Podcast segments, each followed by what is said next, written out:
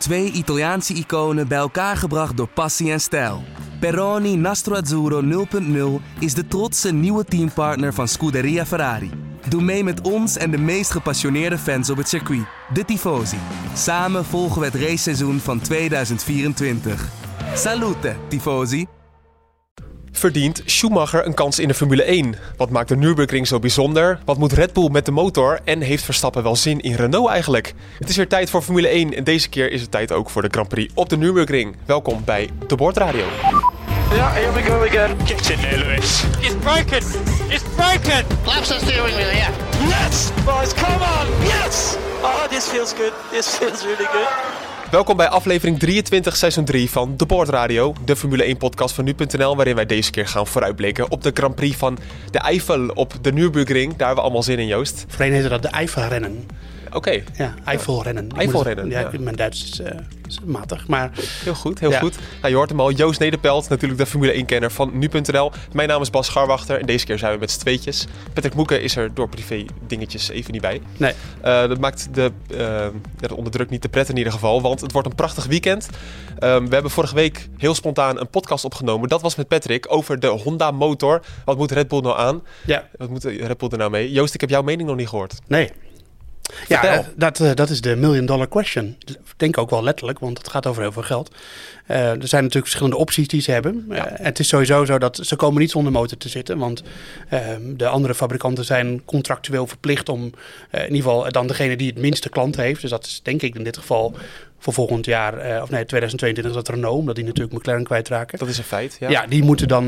maar ja, gaan ze dat doen? Een andere optie is zelf doorgaan met het Honda-project. Alleen dan een ander, ja, andere manier vinden om dat project voor te zetten. Want ik lees steeds meer berichten dat ze dan de mensen kunnen overkopen van Honda bijvoorbeeld. Of ze kunnen dat project aan overnemen. Ja, En dan kunnen ze dan met een partner dat weer gaan regelen. ja. Ehm, nou ben ik eh, even in mijn geheugen gaan graven, want Oh. dit is eerder gebeurd, dit, eh, dit soort constructies. Eh, we hebben dat in de jaren tachtig gezien. Ehm, toen was BMW, had ook een, een hele imposante turbomotor, viercilinder. Eh, en die eh, zijn uiteindelijk ook gestopt. En toen is dat project overgenomen door, eh, dat heette toen, de, nou, die ging in ieder geval motoren leveren aan Arrows, wat toen nog bestond. En die kreeg, die kreeg toen de naam Megatron, wat natuurlijk een hele vette naam is voor een... Absoluut. ja, Megatron. Maar het was geen groot succes dat, om zo'n project door te zetten. Want de, het geld van BMW was er niet. En de ontwikkeling viel stil. Ik moet zeggen dat ik de, in de Formule 1 in de jaren 80, toen was ik nog heel jong. Dus dat heb ik allemaal niet heel intensief gevolgd.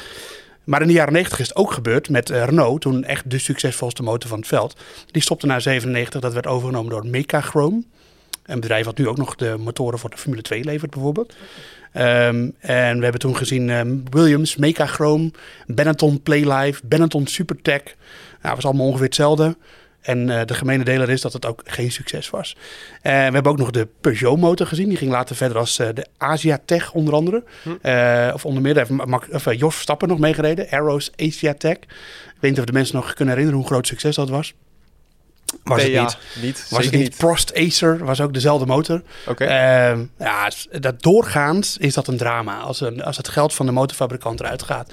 Het verschil is natuurlijk wel dat Red Bull zelf ook best wel wat knaken heeft. Dus eh, misschien is dat een, een, eh, ja, is dat een andere oplossing, dat ze, dat ze gewoon heel veel gaan investeren. Maar ja, die, die, die motortechniek, en dan heb ik het niet over de, specifiek niet over het V6'je, de, de, de, de, de brandstofkrachtbom, maar ik heb het echt over het hybride gedeelte. Ja, dat is zo high-tech. En daar heb je eigenlijk wel de middelen en de know-how van een autofabrikant voor nodig. Ja, maar dat Kijk alleen maar hoe lang, hoe lang Honda erover heeft gedaan om überhaupt een beetje in de buurt van Mercedes te komen. Ja, maar dan zeg je wel vooral wat niet kan. Ik wil toch wel vooral weten wat ja, wel maar kan. voorlopig, eh, nou, ik, ik denk dat dit best wel een reële optie is. En dat, dat, dat Red Bull dit Dat echt wel serieus overweegt om dit te gaan doen. Ondanks dat al die andere projecten geen succes waren. Nee, ja, maar dat is, ja, goed, dat is ook, we praten wel over twintig jaar geleden natuurlijk. Hè, dus, maar ik denk, ik haal er toch even wat voorbeelden bij. Eh, het hangt er helemaal vanaf hoe ze dat gaan doen. En, en kijk, ik neem aan dat als Red Bull eh, dat wil gaan doen, dat ze dan niet eh, het willen dat de motoren in Japan gebouwd gaan worden. Want ja, dan, dan heb je in principe ja, dan die hele afstand, terwijl Honda er niet meer bij betrokken is. Ehm, maar we hebben ook eerder gezien dat Honda natuurlijk, eh, eh, die, die gaan niet weg en die zeggen niet van we trekken de stekker uit en jullie bekijken het maar lekker met jullie, eh, met jullie auto. Dus, loyale dus in mensen. 2022 en er zal er misschien gerust nog wat steun zijn. Ja. Dus dat kan best wel eens een geleidelijke, geleidelijke overstap worden naar wat anders. 2025 komen de nieuwe regels. Oké, maar neem maar concreet. Want Mercedes en Ja. Ferrari uitgesloten? Ja of nee? Nou, ik denk dat dat niet uitgesloten is, maar het is onwaarschijnlijk. Oké, onwaarschijnlijk. Dan Ja. blijft eigenlijk Renault over. Ja, nou Dat- ja, kijk, maar zou jij nu een Ferrari motor willen? Eh, Nu zeker niet. in Nee, ieder geval. nee. Eh, Mercedes, eh, nou, die, die, die leveren natuurlijk al aan ehm, drie klantenteams volgend jaar. Ehm, en, en zichzelf, dus die gaan, nou dat gaat niet gebeuren. Maar de hele vraag is eigenlijk veel fundamenteler dan wie nou precies wordt. Het gaat er meer om wat gaat er uiteindelijk met die motoren gebeuren. Eh, hoe gaat de Formule 1 verder eh, nadat... eh, kijk, we zien langzaam dat het de, straat, de straatauto's, die worden steeds meer elektrisch. Hè, dat is nog een langzaam proces hoor. En mensen moeten niet denken dat over vijf jaar iedereen elektrisch rijdt. Want dat gaat echt dat gaat veel langzamer, denk ik. Dus, maar hoe, in hoeverre blijft, wordt de Formule 1 een afspiegeling van de straatauto's? Want je ziet nu dat Mercedes die gaat veel meer zich richten op dat, de, dat het een AMG-aangelegenheid wordt. Nou, AMG, voor de mensen die dat niet weten, dat zijn de sportieve modellen van Mercedes. Ehm, Renault wordt Alpine. Dat is om een reden. Alpine is een sportwagenmerk. En eh, ze willen niet meer die koppeling hebben met de gewone Renault, maar ze willen het wel met het sportwagenmerk. Ja, eh, Het was de- eerst ook hadden met Tak Heuer, wat toen ook in de Red Bull lag. ja, maar dat was, dat was meer een andere reden. Maar, eh, maar het gaat er meer om dat die autofabrikanten, in hoeverre blijven die nog betrokken? Gaat de hele Formule 1 daarmee op zijn schop? Krijgen we standaard motoren? Krijgen we weer motoren van Cosworth of andere? Ja, dat is zo'n groot vraagteken. Dus ik kan niet wel zeggen, ja, Red Bull moet dit doen. Maar daar zitten, daar zitten zoveel dingen aan verbonden. Hè, eh, op de korte termijn zou je zeggen, ehm, als je aan een, motorfabrikant of een autofabrikant verbonden wil blijven, dan moeten ze gewoon weer teruggaan naar Renault. Daar zit nog wat oud zeer. Daar zit een hele hoop oud zeer. Ik zie het niet zomaar gebeuren. Kan, kan de Red Bull wel wereldkampioen worden met zo'n Renault? Uh, omdat we toch vaak hebben gezegd in het verleden dat ja, de ontwikkeling gaat niet altijd naar Red Bull toe. Ze willen vooral ook een Nee, eigen maar dat, fabrieksteam dat, zie je toch ook met, dat zie je toch ook met Mercedes. Ik bedoel, de, de Mercedes motor die eh, achterin de, eh, de Mercedes zit, die is op papier hetzelfde als die achterin de Racing Point en achterin de Williams. Maar in de praktijk eh, zit er natuurlijk toch wel een schilletje in. Hè? En dat, dat, heb ik, dat gaat het vooral om hoe ze met die motor omgaan.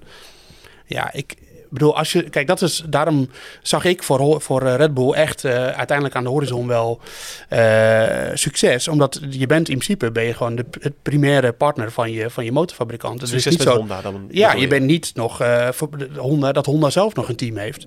En als je met Renault gaat, ja, Renault gaat het natuurlijk eh, in eerste instantie zich richten op Alpine dan. Eh, en dan pas op eh, hoe goed de motor van die achterin de Red Bull het wel niet doet. Maar toch, de realiteit is wel, we zijn heel erg positief geweest over Honda. De Ja. realiteit is wel dat Renault gewoon nu een betere motor heeft. Ja, dat is altijd een beetje lastig te zeggen, maar laten we zo Daar zeggen lijkt dat het wel op. Daar lijkt het wel op, ja. Maar de, de, de, de Honda-motor is daarmee niet slecht. En het, het, loopt- elkaar ook allemaal niet heel veel. Mercedes steekt er nu weer ietsje bovenuit. Eh, Ferrari vorig jaar wel wat meer. We weten allemaal hoe dat kwam. Ja. Hoeft niet weer over te hebben.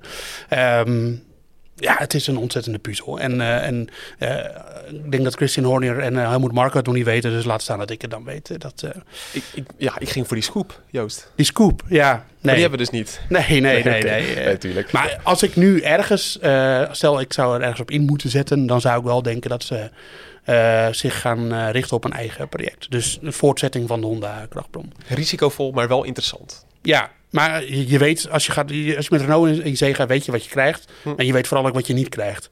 En, ja, en, en in, in een eigen project is toch meer te winnen uiteindelijk, denk ik. Dat is ook weer zo. Ja, we gaan praten over de Nürburgring. Eh een van jouw favorieten, heb ik eh, begrepen. Eh, heb je dat gezegd? Dat weet ik niet. Oh, nee, is Maar niet volgens mij zei dat vorige week. Maar jij keek je heel erg naar uit in deze Grand Prix. Ja, nee, tuurlijk. Het is, eh, het is gewoon een old school circuit. En, eh, en Ja. in die zin is het wel... eh, nou, het is niet een van mijn favoriete circuits. Oh, wel, de, wel de Noordschleifen. Ja. Maar daar rijden we niet op. Al, Al zei de circuitbaas, die zei, Ja. we hebben aangepast, we hebben de, de safety aangepast, de veiligheid aangepast, de Porsches kunnen erop rijden. Dan kan de Formule 1 het ook. Nee, gaat niet gebeuren. Waarom zegt hij dat nou, dan? Nou, dat weet ik niet. Ik weet niet waarom hij dat zegt. Dat heet niet voor niets de GP-strekker die er nu ligt. Het, het GP-circuit. En die is helemaal gebouwd naar de Formule 1 maatstaven. En zelfs daarin loopt het nu een beetje achter. Weet je wel, het is niet eh, state of the art of zo, de Nürburgring. Nee, ik, het, tuurlijk, het, het is niet omdat ik het niet zou willen. Ik zou het heel tof vinden op de Noordslijven, maar zet maar uit je hoofd. Dat gaat niet gebeuren. De laatste keer dat de Formule 1 hier was, was in 2013. Dat was toen ja, Red Bull Racing nog het hele veld domineerde. Toen Perez nog bij McLaren reed. Rijkonen in de Lotus. Pastor Ja. Maldonado nog iedereen van de baan reed. Jules Bianchi nog onder ons was. En Guido van der Garde met zijn groene Caterham zijn rondjes nog maakte. Ja. Eh, dat was een, is een hele andere tijd dan nu. Dat wil ik er even mee aangeven. Ja, Wat maakt het nu zo leuk voor het huidige Grand Prix Circus om hier te zijn? Nou, omdat het, eh, het toch een beetje vastgeklonken was de afgelopen jaren met de- naar welke circuits we gingen. Er kwam af en toe wel wat bij. Oké, maar... ehm, en en ik, ik, ik ben wel iemand die is opgegroeid met dat de Formule 1 vooral in Europa reed. En vooral op banen zoals de Nürburgring. En daar reden we ook niet elk jaar trouwens, want er werd vaak wel gewisseld, maar ander verhaal. Maar je zegt banen zoals de Nürburgring. Ja, gewoon de oldschool banen. Ga je van de baan, dan ga je niet op een, een asfaltlaag met 25 blauwe strepen erop. En dan, eh, eh, nee, je, je komt gewoon in het gras, je komt in het grind.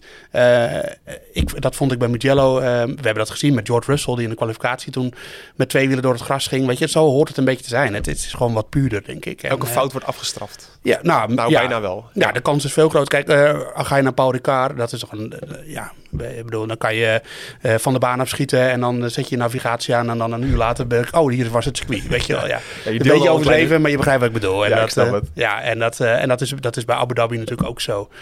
Dat soort banen, ik vind dat minder leuk dan Ja. de oldschool banen. En ik denk dat de meeste raceliefhebbers dat met me eens zijn. Nu hadden wij hetzelfde verhaal over Mugello. Dat we dachten, geweldig oldschool circuit. Alleen toen dachten we nog in de voorbeschouwing, het inhalen wordt lastig. Ja. Hoe is dat op de Nürburgring? Eh, de Nürburgring denk ik dat je daar minder last van hebt. Ehm, eh, je hebt sowieso de, de nou ja, voorheen heette dat de Vedel-chicane. Dat is een van de laatste chicanes. Dat is de laatste chicane. Eh, daar, kan je, daar is een uitrempunt en aan het eind van het rechtstuk. Want het rechtstuk is ook best lang met een haakse bocht naar rechts aan het einde. Daar kan je inhalen. En dan heb je nog helemaal achterop het circuit heb je een soort van hairpin. Wel een wat ruimere hairpin.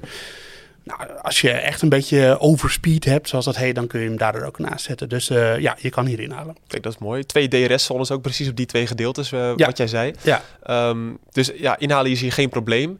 Dan moeten we Nee. ook even kijken naar het circuit. Het is een, een, ik heb me laten vertellen in ieder geval dat het een circuit is met bepaalde gedeeltes.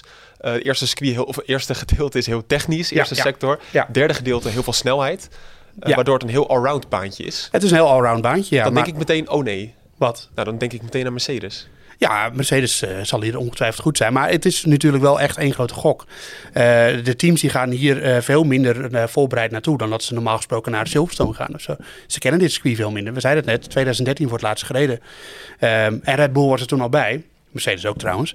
Maar, Sterker je- nog, Hamilton stond op pole position. eh, ja, toen. ja, eh, eh, maar je zag toch dat Red, dat Red Bull, die was nu weer een, zoals, zoals dat heet, een 3D-scan van het hele circuit aan het maken. Om weer te kijken van, hé, hey, want ja, in zeven jaar tijd verandert het circuit toch een beetje. Het kan zijn de asfaltlaag, kan zijn hoe de bochten, ik bedoel, de aarde beweegt dat een heel klein beetje, dus het kan een beetje verzakken. Maar ze hebben toch wel zo'n baan in de simulator liggen. Dus ze hebben toch wel op getraind. Ja, ik denk niet dat iemand na 2013 heeft gedacht van, oh, de Nürburgring gaat van de kalender, dus het mapje data over de Nürburgring, klik, verwijderen. dat is natuurlijk niet gebeurd. Dat zou wat Ze zijn. hebben nog heus nog wel wat data. Kijk, zoals Portimao, daar hebben ze echt nog nooit gereden. Dat wordt helemaal nieuw. Ja, ja het is een beetje de vraag. Het, het, het wordt sowieso, dit weekend gaat echt alleen maar draaien om banden. Want we moeten eigenlijk meteen even naar het weerbericht. Want dat gaat zo'n grote rol spelen. We hebben, we hebben daar een prachtig bumpertje voor. Ja, alleen Patrick Paulusma is er dan niet. Maar dan eh, ben jij dan Patrick Paulusma Ik, nu ik even? speel wel even de rol als Patrick Paulus. Ja. Ik zet mijn hoed even op. Ja. Komt hij aan. Yes, it's go! Cars off at the corner. This is the worst start for a Grand Prix that I have ever seen in the whole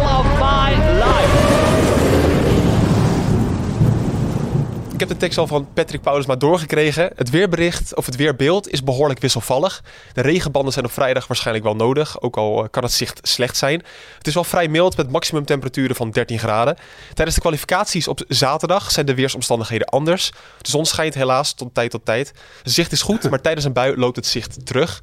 De buienkans is kleiner dan vrijdag, dus het is maar de vraag of de bui net overtrekt ten tijde van de kwalificaties. En met hooguit 9 graden is het vrij koel. Dan de zondag, dan wordt het 8 graden in de Eifel. Het is wisselvallend bewolkt. De zon komt er nog slechts af en toe bij. En op enkele bui na blijft het droog tijdens de race. En dat maakt de bandenkeuze dus lastig voor de race. Want de regenradar kan in deze situaties soms uitkomst gaan bieden. Want de situatie kan dus per uur veranderen. Kortom, we hebben geen idee. Het wordt koud, dat weten we zeker. ja inderdaad.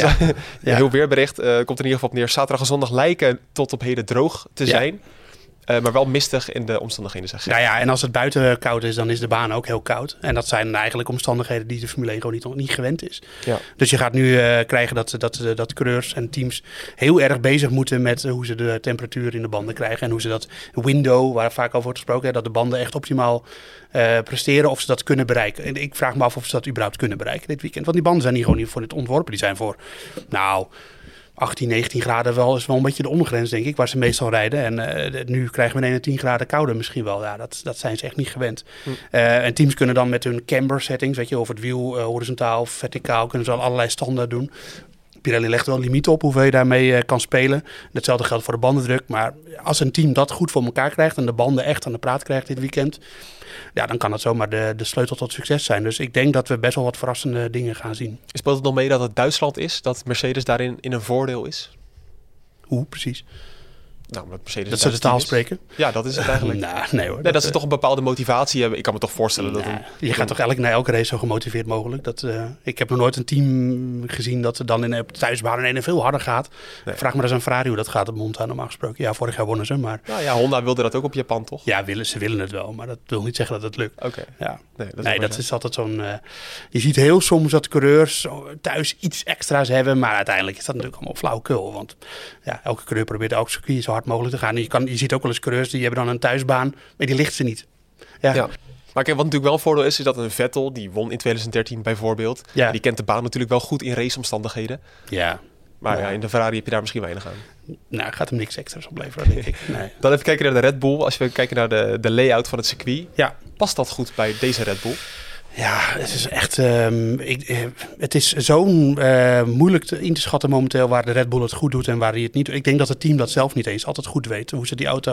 Want dan zouden ze dat weten waar het aan ligt, waarom je het op bepaalde circuits wel goed doet en niet. Dan zouden ze daar wel, nou ja, simpel gezegd, wat, aan, beter, wat meer aan kunnen doen. Nou ja, Eh, Mugello had heel veel high downforce bochten, toch? Ja. Heel veel hoge snelheidsbochten. Ja. Daar deed hij het heel erg goed. Ja, Dit circuit heeft wel een aantal punten dat je vol in de ankers moet. Ja, nou, ik denk dat het, eh, dat het wel weer, dat we ongeveer hetzelfde gaan zien als in Mugello. Ook al waren de weersomstandigheden daar wel meer in voordeel. Want eh, we weten, de Red Bull gedijt goed in de warmte. Ja. Nou, dat gaan we niet krijgen dit weekend. Dus het is een beetje de vraag hoe ze daarmee omgaan. Is het dan ook zo dat, want eh, hij gedijt goed in de, in de warmte, omdat de Mercedes ook slechter is in de, Ja. in de hitte. Ja. Is het ook zo dat, wa- wat kan de kou nou doen voor een motor? De kou kan doen voor de motor dat hij harder, eh, dat hij beter draait. En ook vooral de, de vochtigheid. eh, ehm, als je een beetje wat vochtiger lucht hebt, dat is vaak goed voor de motor. Want dan, ehm, ja, wat een heel technisch verhaal, maar dan het brandstof, eh, zuurstofmengsel krijg je dan beter voor elkaar als je een beetje vochtige lucht hebt. En daardoor draaien ze vaak wat beter. Ehm, maar dat, hebben ze, dat is voor iedereen hetzelfde. Dus daar gaat niet één team. je- wat je wel weet, is dat Mercedes is altijd heel erg minimaal met de koeling. Dus als het buiten minder warm is, dan hebben ze daar minder last van. Maar eh, ik denk dat het wel een baantje is wat Red Bull zou moeten liggen.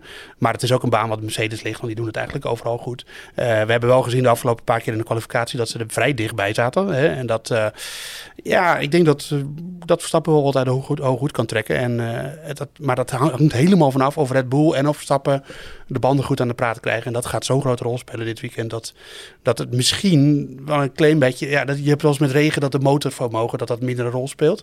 Ik, dat noem je dan een equalizer.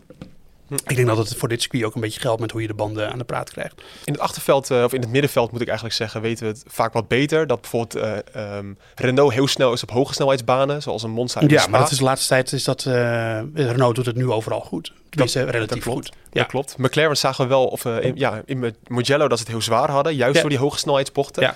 Ehm, kunnen, ze- gaan we er ook weer een McLaren verwachten dat weer mee gaat doen om die voorste plaatsen? Want ze hebben een eh, drie races op rij eh, niet zo hele goede Ja, resultaten het, is, geboekt. het is zo moeilijk te zeggen dit weekend. Los van Monza trouwens, waar Ja. Sainz wel tweede werd. Ja, nee, het is, ik bedoel, ik kan niet wel zeggen dat ik nu denk van, ah, McLaren gaat, maar het is een circuit waar we zeven jaar niet op gereden hebben. We weten de weersomstandigheden niet. Ik, ja, dat zou echt gewoon een natte vingerwerk zijn. Ik, ik, ik zie dat McLaren momenteel na Monza het niet zo heel best heeft gedaan. Maar eh, geen idee, echt niet. Ik zou echt liegen als ik zou zeggen van, eh, dat ze het goed gaan doen. Ik kreeg wel een vraag binnen van Evi de Vries. Ja. Eh, gaat toch nog even over Verstappen. Ja. Want er wordt telkens gezegd dat Max een ontsnappingsclausule heeft. maar Horner ontkende dat dit weekend. Ja. Heeft Max nou wel een ontsnappingsclausule wat betreft de Honda-motor? Nou ja, Verstappen zelf werd daar natuurlijk ook naar gevraagd. Die zei, ik praat niet over mijn contract. Die zei dus, hij ontkende het niet, maar hij bevestigt het ook niet. Ja, Horner, eh, ik, ik ken het contract van Verstappen niet, dus ik, ik weet het niet. En eh, Horner zegt van niet, maar hij kan, ja, die zegt wel vaker dingen die niet, achteraf niet helemaal blijken te kloppen. Ja. Datzelfde geldt voor eh, Helmut Marco en eigenlijk alle teambazen. Ehm, geen idee, ik weet het contract niet hoe dat in elkaar zit. Ik kan me voorstellen dat er iets in zit van... ehm, dat het niet per se aan de motor hangt, maar dat het gewoon aan de prestaties hangt en het perspectief op prestaties. Nou ja, eh, dat kan natuurlijk wel een douw gekregen hebben met dit, eh, met dit perspectief naar 2022. Maar 2022 wordt zo'n raar jaar met alle regels, budget caps. Ehm, dus eh, ja, het wordt heel lastig om daar om de vinger op te leggen. Ik, ik weet het niet. Wat weet jij van het contract van Kimi Räikkönen? Het contract van Kimi Räikkönen? Ja. Nou, ik denk wel dat dat dit weekend verlengd gaat worden. Jawel, hè? Ja, Ja, ja. dat, eh, maar ja. wel met een jaartje. En dat wordt dan wel een slotjaar, denk ik, van, van Räikkönen. Ja, wordt dat dan echt het einde van hem in de Daar ga Formule ik 1? wel vanuit, ja. Ja. Ik, eh, vind je het leuk nog dat Räikkönen nog een jaar doorgaat? Ehm, nou, ik heb er wel een beetje moeite mee dat ik als ik Rijkonen achterin zie rond eh, eh, harken met die, met die Alfa Romeo, die natuurlijk dit jaar niet gaat. Maar dat geldt voor alle auto's met een Ferrari motor. Ja, dat heb ik persoonlijk ook een beetje. Ik vind het zonde en dan denk ik, ja, hij vindt het zelf nog heel erg leuk, blijkbaar. zegt hij, ja. het is hobby. Hè? Veel, eh veel Formule 1 coureurs die, eh, die eh, zien het denk ik niet als een hobby, maar hij wel. Ja, hij heeft zijn, zijn streep al verdiend. Maar dan denk ik, ja, als je je streep al al zo verdiend hebt en je gaat er nog een paar jaar...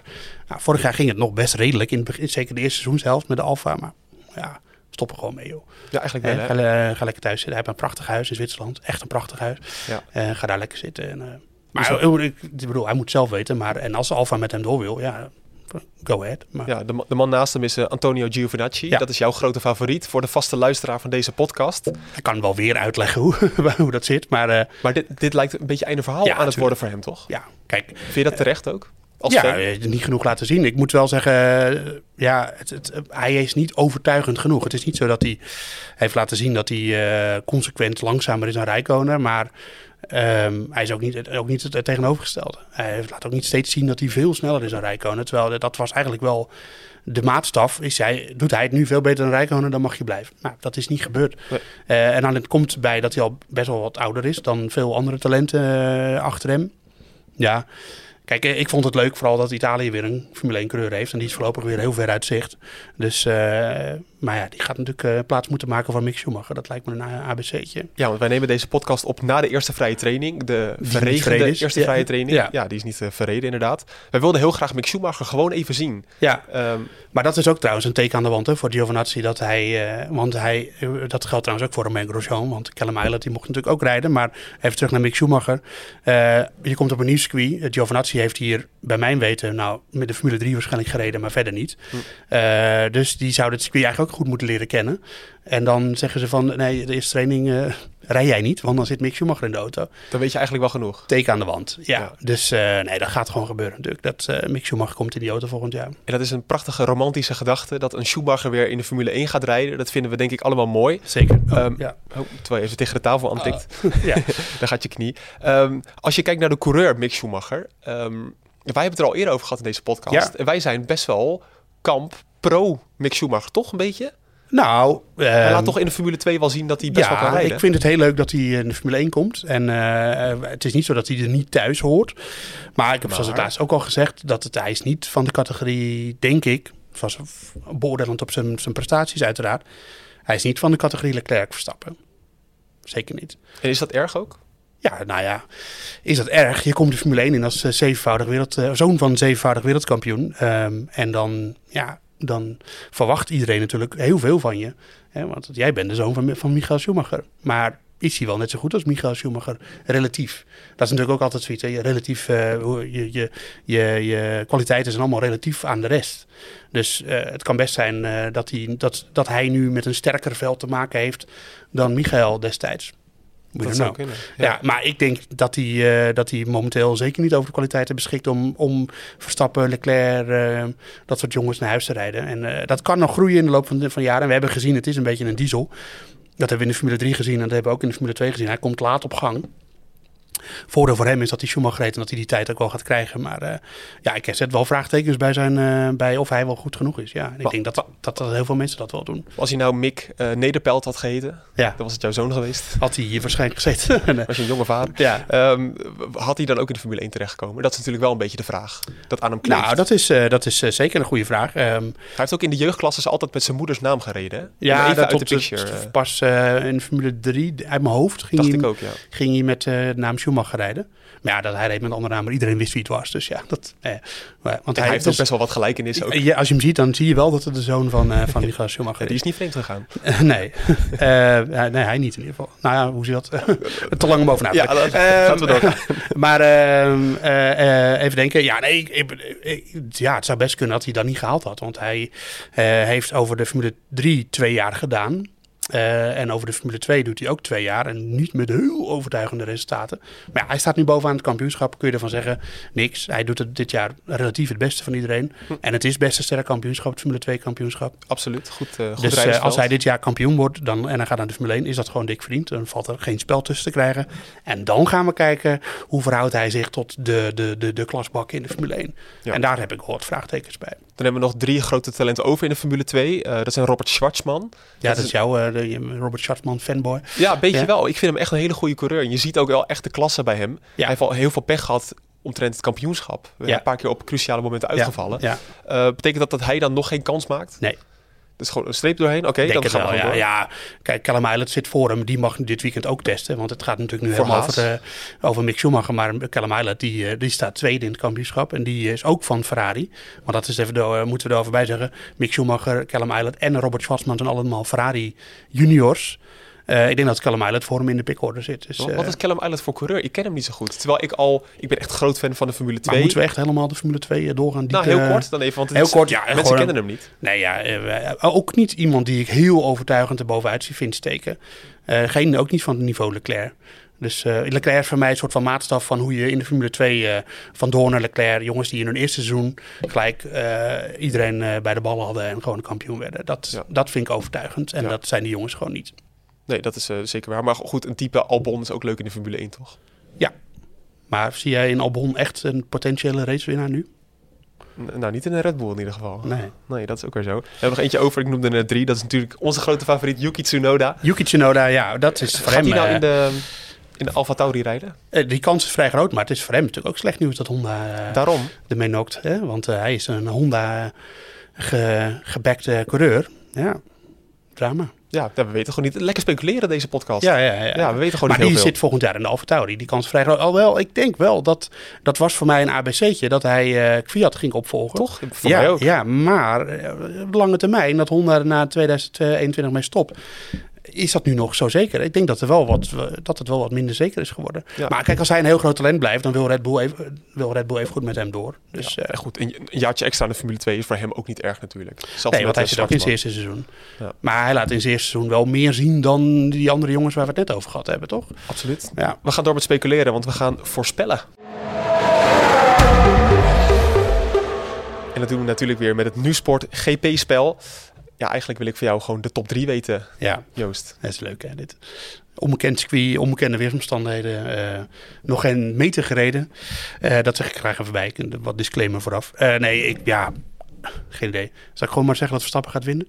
Oh, ik denk wel dat we omstandigheden krijgen waarin hij eh, zou eh, kunnen uitblinken. Maar Eh, zou je hem ook invullen in je GP-spel? Ja, maar, maar ik sta zo ver achter. Ik, ik, dat maakt helemaal geen zak Wat is het dan weer voor je motivatie, Joost? Ja, nee, het gaat mij toch om, het gaat om de voorspelling. is wat waar. ik in mijn GP-spel invul, dat de mensen thuis interesseert dat echt helemaal geen zak. Dat weet ik zeker. Ja. Ehm, Maar de- wat, zou, wat zou je podium zijn als Hamilton en Bottas zouden uitvallen? Even gewoon even iets geks. Want die worden toch wel 1 en 2, toch? Ja, dat weet ik niet. Nou, oké. Ja, werden ze de vorige race 1 en 2? ik zit even te twijfelen. Nee. nee natuurlijk niet. Nee. Dus zo eh, vanzelfsprekend is die wel van Mercedes. Er dat gebeurt er de laatste tijd best wel veel bij Mercedes. Ze hebben nu, als we daar nog heel even, ze hebben nu ook een plekje aan het einde van de pitstart gemaakt waar je proefstart eh, moet maken. En dat, Ja. eh, dat daar geen eh, misverstand meer over kan bestaan. En de eerste bij de foto was Red Bull Racing. Ja, Die zei, Hamilton, hier moet je gaan staan. Ja, een beetje banter. Toch ik er wel van. Ja. Nee, eh, eh, ik denk dat het wel een. eh, ik denk dat Verstappen echt eh, Mercedes er wel eh, wat eh, kan aandoen dit weekend. En eh, dus ik zet die drie op het podium. En dan. eh, nou, als de weersomstandigheden een beetje wisselend zijn, denk aan eh, Duitsland vorig jaar. Dan, eh, kijk, Hamilton is natuurlijk ook een klasbak in de regen. Dat moeten we niet vergeten. En op het droog ook. Dat vind ik wel even, nog, als ik nog één zijstaat in mag. Mag. wordt- wordt laatst al wel heel veel getwijfeld aan de kwaliteiten van... Zeker omdat hij nu bij Schumacher in de buurt komt natuurlijk. En dat, dat aan zijn... eh, zijn statuur, als, wordt een beetje gezaagd op een be- op een be- manier. Ik vind dat echt vervelend. Ik bedoel, die gast die wordt dit jaar zevenvoudig wereldkampioen. Hè, die, wordt, die gaat meer Grand Prix winnen dan, dan, dan, dan Schumacher. Nou Ja. zeg ik niet dat hij groter is dan beter is dan Schumacher, maar dat is zo moeilijk te vergelijken. Ik ga het wel proberen trouwens, als hij zondag wint, Zeker. om dat te vergelijken. Maar Hamilton is echt een fantastische coureur. Dat moeten mensen echt eens een keer gewoon snappen. Eh, want eh, los van hoe hij zich buiten de baan eh, kleedt, gedraagt, eh, uitspreekt, dat is allemaal bijzaak. Hij, het gaat om wat hij achter stuur laat zien. En dat is toch eh, hartstikke indrukwekkend. Dus ik wil wel echt even een land breken voor. Kijk, en dan, ik zeg, ik grap ook wel eens dat hij af en toe geluk heeft of zo, weet je wel. Maar hij brengt zichzelf ook vaak in situaties dat hij, dat hij met een heel klein beetje geluk of dat het een beetje mee zit. Dat, Ja. dat komt voor. Maar eh 99% van zijn overwinningen is zonder geluk en gewoon op kwaliteit. Dus, Maar eh, toch blijft het altijd wel een beetje een dingetje. En natuurlijk was dat met Schumacher ook zo. Dat de auto gewoon heel erg mee zit. En dat er gewoon nul concurrentie is voor de Mercedes. Ja, dat is zo. Maar Eigenlijk ik al zes weet, jaar lang. Ik weet zeker dat. eh, kijk, en dat was ook zo dat, eh, dat Vettel. eh, dat, is, dat, is, dat is, hangt aan coureurs die domineren. Ja. Dat Vettel vier jaar lang de Formule 1 nou, vrijwel domineerde. Het eerste seizoen niet echt, maar daarna wel. Begonnen mensen zich ook aan allerlei dingen bij Vettel te, te ergeren. Ik ook. Dat, ik ving- vond dat vingertje kan dat vingertje, maar ook andere Ja. dingen. En Vettel ging naar Ferrari en de, en de dominantie was weg. En, en iedereen begon Vettel ineens heel erg leuk te vinden. Weet je wel, dus dat hangt A altijd een beetje samen met, met dominante coureurs. Ja. Dat mensen een beetje hekel aan ze krijgen. Zeker als het iemand anders is dan waar jij fan van bent. En ik denk dat dat voor veel luisteraars van deze podcast het geval is. Want die zijn ook fan van een andere coureur. Zeker. En, en, en B is het ook wel een beetje, heeft het ook wel echt te maken met de statuur van, of tenminste waar Hamilton voor staat en wat hij buiten de baan allemaal doet. En dat hij modeshows eh, doet en eh, kledinglijn en weet ik wat allemaal. Als je naar Vettel kijkt, die doet dat allemaal niet natuurlijk, bijvoorbeeld. Dus eh, En ook dat hij zo politiek betrokken is. Ja, dat maar ja, dat mag je toch doen. Ja. Ik, Ja. ik vind de politiek en sport gescheiden houden, dat vind ik het allerergste wat je kunt zeggen. Wat is dan voor onzin? Ja, mensen, er, politici, polit- politiek gaat over mensen. Hamilton is een mens. Dus ja, als hij zegt van ik hoef niet een nieuw circuit in, eh, in eh, Rio de Janeiro, want er worden er allerlei bomen gekapt op niks af. En er ligt al een heel mooi circuit in Interlagos. Waarom zouden we dat doen? Ja. Ja, dat is politiek. Nee, prima, dat mag je toch zeggen. Ik heb echt hele harde discussies met vrienden over dit onderwerp gehad. Die, Oh, zijn, ja? die zijn er echt tegen. Die Wat? vinden dat gewoon sport. eh, dat is oh, gewoon sport. dat echt. ik, ik dan, ja, Nou, ik ben het met je eens. ja, oké, nou, Ja. jammer. Ik had wel, wel gehoopt op een discussie. Ik probeer je al de hele tijd uit de tent te lokken. Maar, eh, Moeilijk. Is moeilijk om maar goed, we waren bij de voorspelling. Eh, dus ik zet hem op eh, Verstappen 1, Hamilton 2 en dan derde Daniel Ricciardo. Daniel Ricciardo. Er komt er eindelijk een, eh een Bottas die, Abiteboel. al die grindbakken hè, en die vangrails die er staan. Eentje daarvan gaat Bottas winnen dit, dit weekend. Ja, ik denk dat gewoon Bottas voor zijn tweede op rij gaat. Dan Hamilton 2, Verstappen 3. Heel saai. En dan gaan we ook vooral zien dat Hamilton nog steeds niet dat record van Michael Schumacher pakt. Al zou het natuurlijk wel iconisch zijn. ja, Op maar ik denk dat heel veel Schumacher-fans het wel een heel klein beetje vervelend vinden. Als, eh, als der, want het museum van, eh, van eh, Der Michael eh, staat niet heel ver daar vandaan. Eh, als hij dat daar kwijtraakt. Maar goed, uiteindelijk gaat het toch een keer gebeuren. Dat weten we allemaal. Ja, we gaan het allemaal zien, Joost. Ja, Het wordt een, een geweldig weekend op de Nürburgring. En eh, wat ook mooi is voor de mensen die denken... ik, ik, heb, eh, ik heb geen Ziggo bijvoorbeeld en ik kan hem niet kijken. Ik kan het me bijna niet voorstellen als je deze podcast luistert. Gratis tipje van mij. Hij is live op YouTube te zien. Voor het eerst ooit. op het Formule 1 eh, YouTube Formule kanaal. 1 eh, account van... eh, kan je alles volgen. Ook de vrije trainingen. Ook de, de kwalificatie. Dus ehm, om tien over twee moet ik ook bij zeggen. De race begint om tien over twee. Ik zag vorige week of twee weken terug wat tweets van mensen die zeiden... Oh shit, ik heb de race gemist. Ja, Omdat hij toen ook wat vroeger begon om 1 uur. Ja. 10 over 2 begint de race. Live te volgen op YouTube en anders natuurlijk via Ziggo. En maandag zijn wij er weer voor een nieuwe editie van deze podcast, De Bordradio. We gaan het allemaal zien, Joost. we gaan het allemaal zien. Heb je nou nog eh, vragen of opmerkingen? Dan kan natuurlijk via podcast.nu.nl en dan gaan we jouw vragen beantwoorden. En vergeet vooral niet een recensie achter te laten op Apple Podcasts, Spotify of jouw favoriete podcast-app. Zodat nog meer mensen De Bordradio zullen vinden. Voor nu bedankt voor het luisteren en tot maandag.